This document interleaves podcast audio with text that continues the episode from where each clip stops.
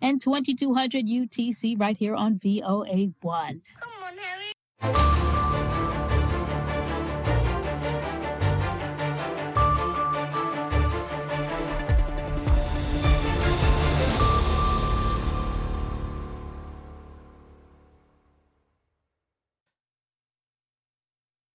maaliga idaacadda v o a oo aad ka dhagaysanaysaan mawjadaha gaagaaban efemyada geeska afrika iyo caalamkao dhan oo aad nagala socotaan bartaanu internetka ku leenahay ee v o a somaly com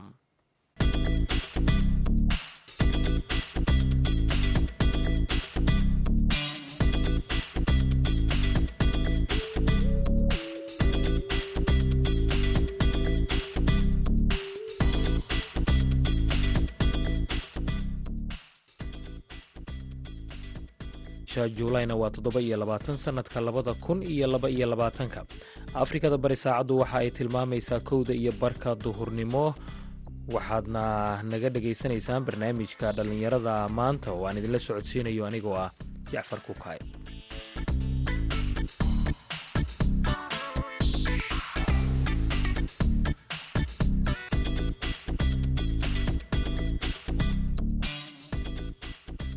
doontaana waxaa ka mida idaacadyada dhallinyarada gaadiidka waaweyn ka shaqeeya ee deegaanada puntland oo ka caawiya dadka abaaruhu ay saameeyeen ee miyiga ku dhaqan in ay magaalooyinka u soo daadgurayaan dadkan halkaan aan keenayn haddii aqalada tan iyo waxyaalaha kan aan meesha keenay waxaan ka soo qaaday miyi halkaas oo abaaraha ogooyinkaas wadnamadheero iyo ingilatible iyo sifaar iyo dhulkaasaan ka soo qaaday. Waxaan u soo qaaday haddeer kuwa aan keenay shidaalka aan ku soo qaaday jeebkayga ayaan ka bixiyey.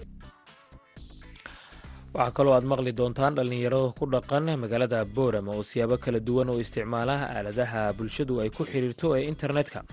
Waxaanu kaloo idiin haynaa heesihii iyo weliba wararkii ugu dambeeyey ee dhinaca ciyaaraha. Marka horese waxaad ku soo dhowaataan warkii dunida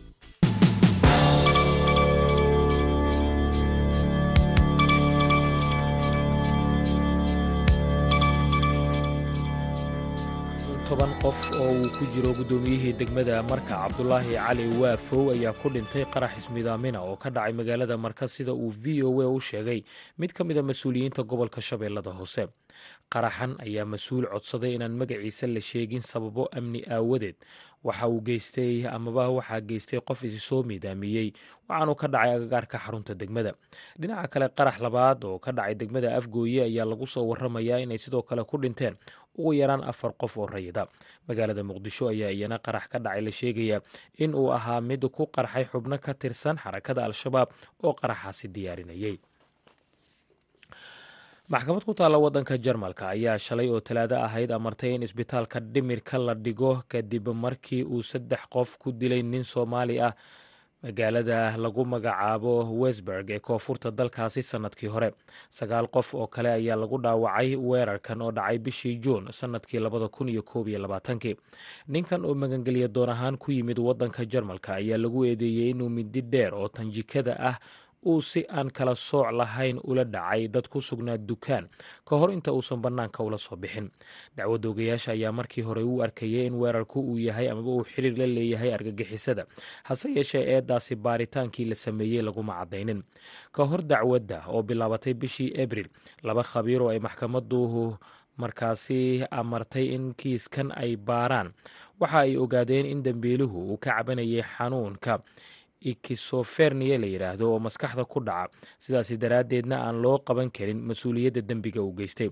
Dacwadda ogayaasha ayaa sheegay in ninka soomaaliga ah oo jarmalka yimid sannadkii labada kun iyo shan iyo tobankii uu ka sheekeeyey codad madaxiisa ka soo baxaya kuwaasoo ku amrayay in uu weerarka fuliyo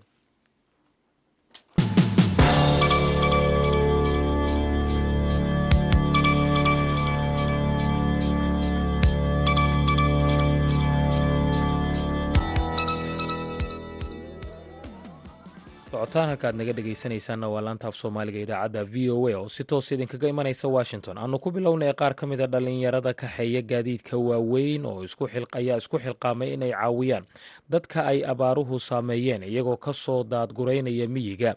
Ay ka jiraan abaaraha oo keenaya tuulooyinka iyo degmooyinka magaalada qardho si ay u helaan nolol dhanta midda ay ku haysteen miyiga. Yuusuf maxamuud yuusuf ayaa la kulmay dhallinyaradan oo warbixintana nooga soo diray. Dhallinyarada kaxeeya gaadiidka weyn ee u baxa magaalooyinka puntland ayaa si iskooda isugu xilqaamay inay caawiyaan dadka ay abaaruhu saameeyeen kuwaasoo intooda yar ku sugan miyiga iyo tuulooyinka ay saamaysay abaaraha waxayna sameeyeen in si iskoodah ay uga soo daadgureeyaan nawaaxiga miyiga iyagoona keenaya magaalooyinka iyo weliba degmooyinka hoostaga magaalada qardho. Dadkan reer miyiga ee imaanaya magaalooyinka ayaa ka soo hayaamaya miyiga si ay u helaan nolosha ay horey ugu haysteen halkaasi. Mid dhaanta maxamed maxamuud siciid oo ka mid a dareewalada gaadiidka kaxeeya ayaa sheegay in isaga iyo kuwo kale ay si iskooda isugu xilqaameen inay caawiyaan dadkaasi islamarkaana ay ka soo raraan miyiga ay keenaan magaalooyinka. Dadkan halkaan aan keenayn haddii aqalada iyo waxyaalaha kan aan meesha keenay waxaan ka soo qaaday miyi halkaas oo abaaraha ogooyinkaas wadnamadheero iyo igilatible iyo sifaar iyo dhulkaasaan ka soo qaaday. Waxaan u qaaday haddeer kuwa aan keenay shidaalka aan ku soo qaaday jeebkayga ayaan ka bixiyey.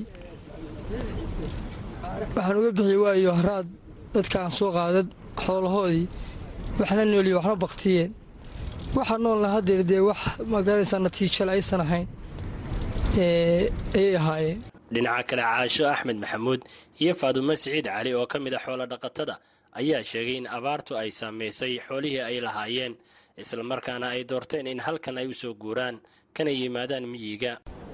Waxa weeye abaar baa u timi xoolihii marba mar bay ahaayeen. Waxa weeye ilaa gurgudhoweyd waa baxaayeen ilaa diraacda waa baxaayeen ilaa dayrta waa baxaayeen haddeerna xoolihii wax yar baa kaas. Afar tiro buu ahaa. Afar tiro buu ahaa. Marka haddeer ari adigu isku tiro ah baa ka harsan waxaanu u soo degnay goortaanu ariga waxaanu ka gadano weynay iyo waxaanu ka cunno ilo xoolo dhaqataanu ahayn. Dibadda lacag iyo dadka nooma jiro dibadda dad. Baabuurna ma lihin darkad ma lihin hadde waxaanu isniri. Magaaladiinaa iska dega waxaanu codsanaynaa wax oo biyo iyo raashin iyo dhar iyo waxaanu hoy ka dhiganno. Alxamdulilah buushkaan ayaa iska soo dhisannay oo aanu ku soo xeroonnay aniga iyo ilmayaashii aan wadanay baaqaanu dirayno waxaanu u baahannahay waxtar biyo iyo baadiba waxgaradka iyo dhallinyarada deegaanada ay yimaadeen dadkaasi xoolo dhaqatada ah ayaa codsaday in la soo gaarsiiyo dadkaasi daawooyin iyo biyo si noloshooda ay u soo kabato. Dadkan waxay u baahan yihiin waxay ilmayaashu huwadaan bay u baahan yihiin waxay cunaan bay u baahan yihiin waxay cabbaan bay u baahan yihiin wax la yidhaahdo daaway u baahan yihiin. Daaway u baahan yihiin biyay u baahan yihiin cunay u baahan yihiin waxay huwadaan daaway u baahan yihiin biyay u baahan yihiin cunay u baahan yihiin waxay huwadaan oo beerka iska saaraanin bay u baahan yihiin. Yuusuf maxamuud v o e boosaaso aad buu u mahadsan yahay waryaheena magaalada boosaaso yuusuf maxamuud. Yuusuf oo warbixintaasi noo soo diray markana awdal dhallinyarada ku dhaqan magaalada boorama ee gobolkaasi awdal ayaa la sheegayaa inay siyaabo kala duwan u isticmaalaan baraha ay bulshadu ku xiriirto ee internetka. Wariyaha v o eda boorama uga soo warama haashim sheekh cumar good ayaa la kulmay qaar ka mida dhallinyaradaasi warbixintan ayuuna nooga soo diray magacaygu waa axmed maxamuud yuusuf oo axmed seeko ku magac dheer. Waxaan ka mid ahay dhallinyarada warbaahinta ee ka howlgala gudaha somalilan iminka haashimow marka qoraal la sheegayo lagu soo gudbinayo barta facebook oo kale dee tictok ma laha. Tictok waxa weeye fariin muddo yaroo gaaban soconaysa oo dadkii oo muuqaala welibana oo dadkii iminka inkastoo la abdhate gareeyo sawirayo waxyaaba kale lagu soo kordhiyey. Haddana waxay u badan tahay muuqaalo fariimo yaroo gaagaaban dadka loogu sheegayo. Dadka isticmaalo xitaa da ahaan laftoodu way kala duwan yihiin sida cilmi baadhisyo la sameeyey ay sheegeen. Oo dadka dhallinyarada aadka u yaryarbaa badanka tictoka ku badan oo ah dee bulshadeennana dadka ugu badan aynu odhan karayno. Markaa facebooka ilaa shan iyo labaatan jir iyo wixii ka weyn oo kale ayaa isticmaala halka tictok oo kale dad intaa da ahaan ka yara ay isticmaalaan. Marka mid kastaba wixii isaga khuseeyey. Iminka inan yar ugama sheekeyn karaysid.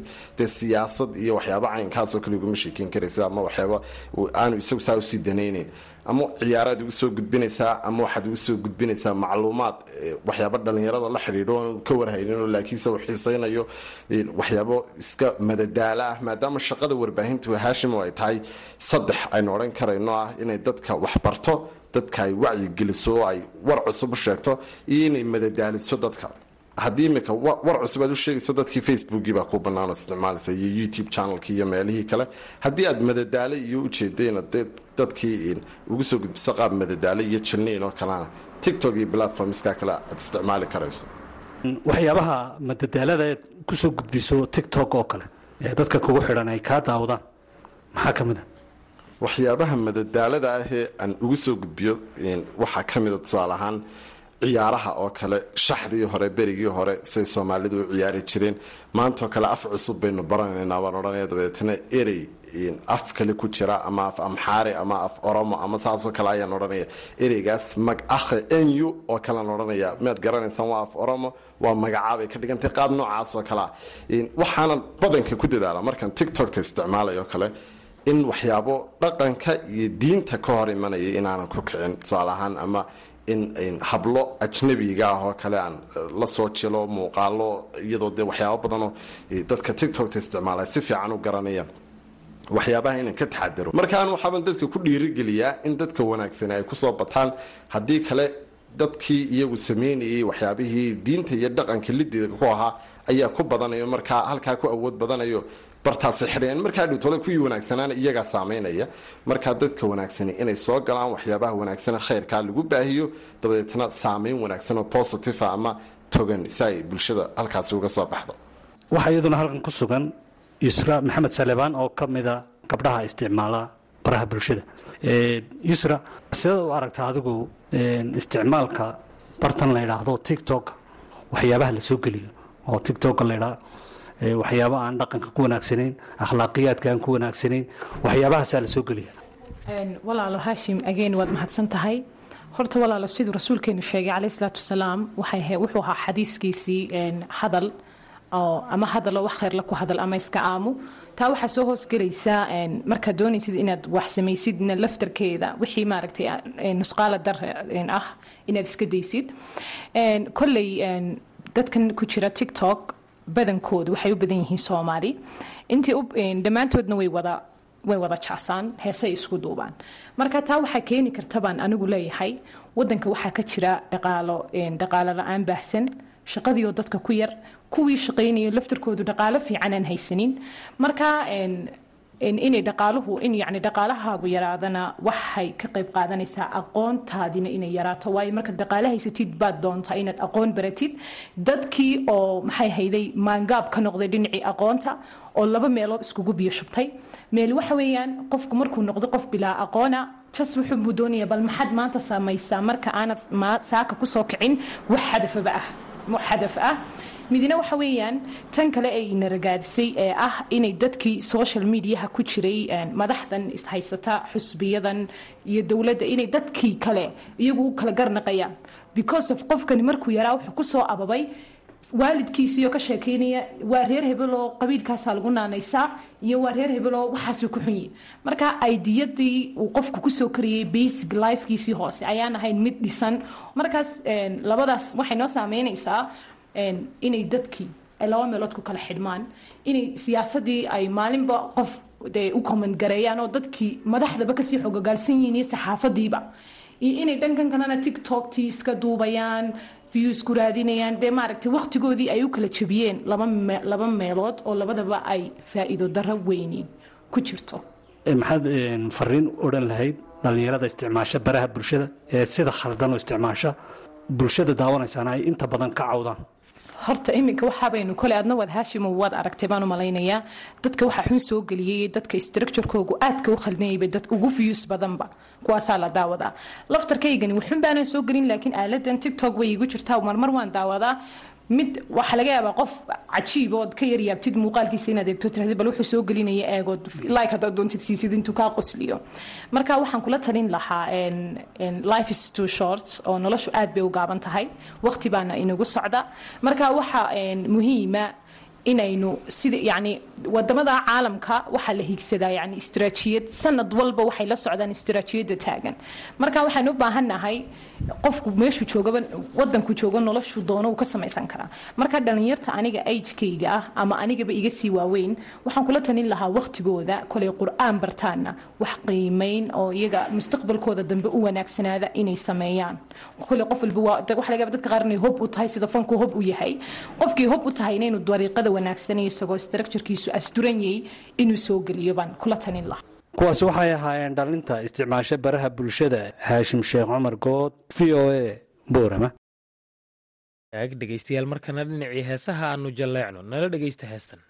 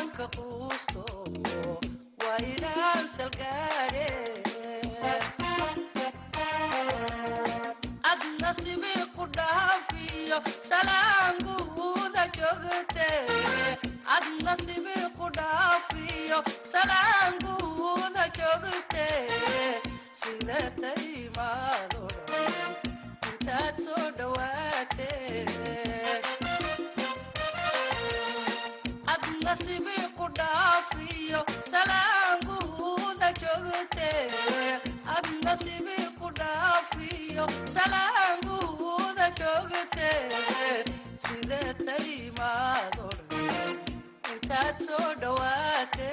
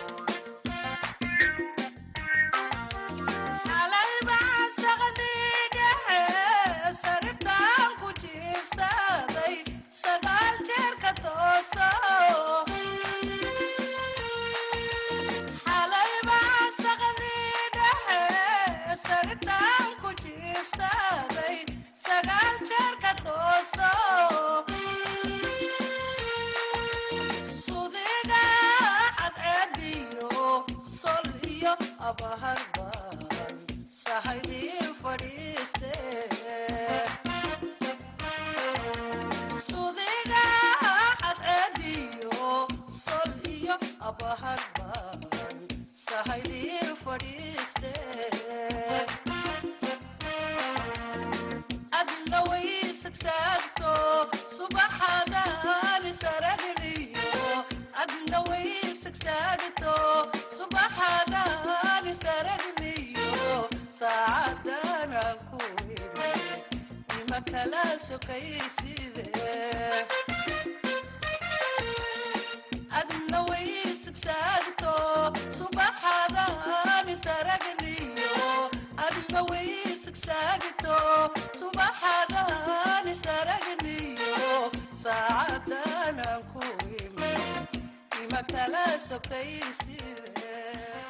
hagaag codkaasi macaan ee hibe maxamed hibe nuur aanu intaasi ku dhaafno dhegeystayaal markana waxaad ku soo dhowaataan wararkii ugu dambeeyey ee dhinaca ciyaaraha. Waxaa la diyaara wariyaheenna minnesota maxamuud mascade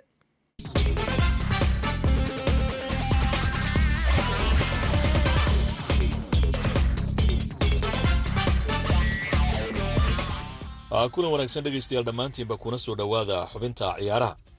Aan ku bilaabay xulka qaranka hablaha ee waddanka ingiriiska ayaa xalay.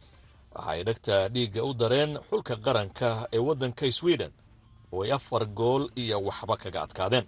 Ingiriiska ayaa qaybtii hore ciyaarta waxa ay ku mareen hal gool iyo waxba u ciyaaryahanada beth mead ay goolka u dhalisay. Gabadhan u ciyaarta kooxda kubadda cagta ee arsenaal ee baallaha midig qaranka kaga ciyaarta ayaana qaybtii dambe ee markii la isu soo noqday laba gool oo kale oo qarankoodu ay la yimaadeen suuro gelisay inay u dhigto xidigihii shabaqa ku hubsaday ee kale ahaa. Lucy brons iyo fran akebri gabadhan beth mead ayaa iyadu haatan dhinaca gooldhalinta. Waxay ku hogaaminaysaa lix gool oo kobaha dahabka ay doonayso inay ku guulaysato. Qaranka ingiriiska ayaa waxay u soo gudbeen ciyaarta kama dambaysta ah oo dhici doonta maalinta axadda. Waxaana ciddii soo guulaysata ingiriiska oo soo guulaystay uu la ciyaari doonaa jarmalka iyo faransiiska oo habeen dambe foodda isdaraya ciyaarta kama dambaysta ayaa waxay ka dhacaysaa garoonka wimberley stadium ee magaalada london oo ingiriisku uu dhowrayo ciddii soo baxda jarmalka iyo faransiiska. Jarmalka koobkan lagu loolamayo siddeed mar ayuu haystaa halka faransiisku aanay abidba ciyaarta kama dambaysta u soo bixinin. Ingiriisku waxay malaha jeclaan lahaayeen inay ciyaarta kama dambaysta ah faransiiska la kulmaan. Waayo laba mar oo qaranka ingiriisku ciyaarta kama dambaysta u soo baxeen labadii marba waa laga guulaystay. Si kastoo tahaba gabdhaha ingiriisku waxay doonayaan wejigabixii raggooda ku dhacay sannadkii la soo dhaafay ciyaarihii qaramada yurub oo gurigooda lagaga adkaaday. Inaanay taa iyaga ku dhicin oo habluhu ay noqdaan kuwo qaranka guul u keena islamarkaasina taageerayaasha ingiriiska ku yidhaahda wiilashiinnii gabdhihiinniibaa idinkaga wanaagsanaaday laakiin la arki doonee habeenka axadda ah iyo ingiriisku halka ay gaaraan. Dhinaca iyo haddii aan jalleeco waddanka urugwayna xidiga qaranka urugway islamarkaasina qaaradda yurub muddada dheer ka ciyaarayay louis suarez. ayaa waxa uu shaaciyey inuu dib ugu noqonayo kooxdii uu ciyaaraha ka soo bilaabay ee nasionaal kooxda oo ka jirta waddanka urugway ayuu sheegay in ay gaareen heshiis hordhaca uuna doonayo inuu dib ugu noqdo halkii uu ciyaaraha kubadda cagta ka soo bilaabay. Ciyaaryahankan soddon iyo shan jirka ayaa heshiiskii uu kula jiray kooxda atletica madrid uu idlaaday markii xilli ciyaareedkii la soo dhaafay uu dhammaaday louis suarez ayaa toddobaadkii hore taageerayaasha kooxda nasionaal waxaa labaatan kun oo ka mid ahi ay wejiga ku soo xirteen sawirkiisa iyagoo ka dalbaday inuu dib ugu soo noqdo gurigiisa. Waxay u eg tahay haatan suwarez in uu codsigii saaxiibadiisii taageerayaasha kooxdii uu ka soo ciyaar bilaabay uu aqbalay dibna ugu noqon doono. Waaga dhegeystayaal xubinta ciyaaraha inta ayaan ku soo gabagabaynayaa tan iyo kulan dambe. Waa mascade oo idinku dhaafaya sidaa iyo nabadgelyo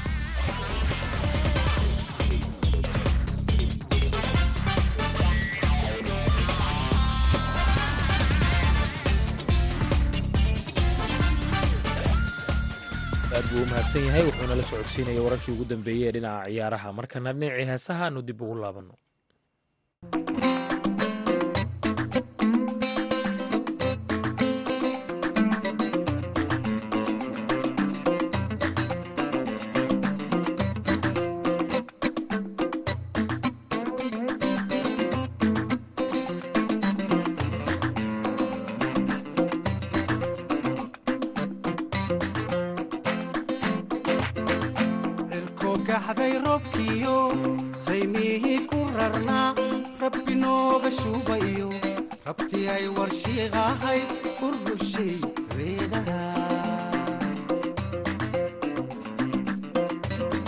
cirku gaxday roobkiyo saymihii ku rarnaa rabbi nooga shuubayo rabti ay warshiiqahay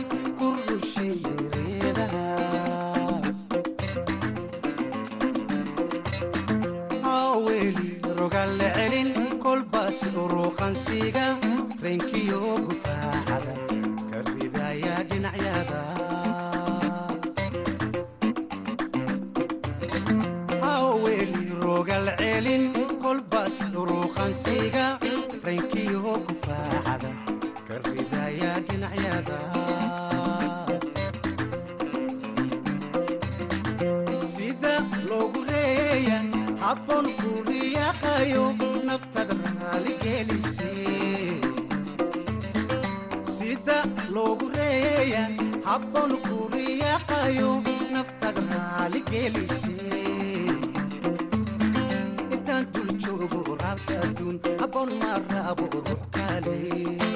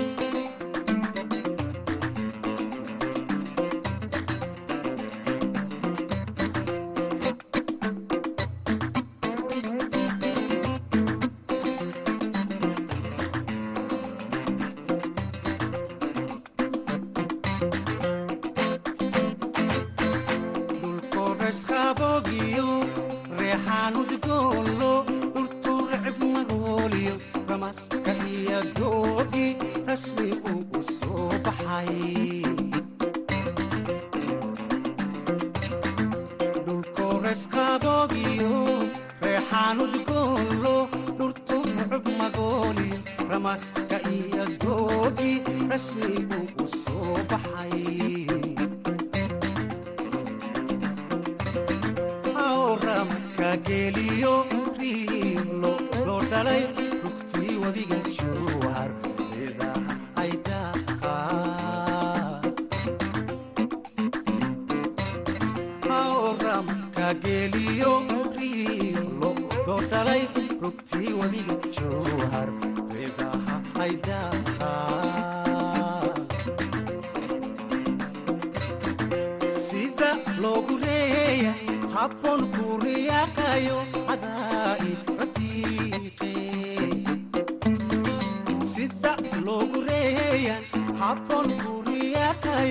Bye-bye.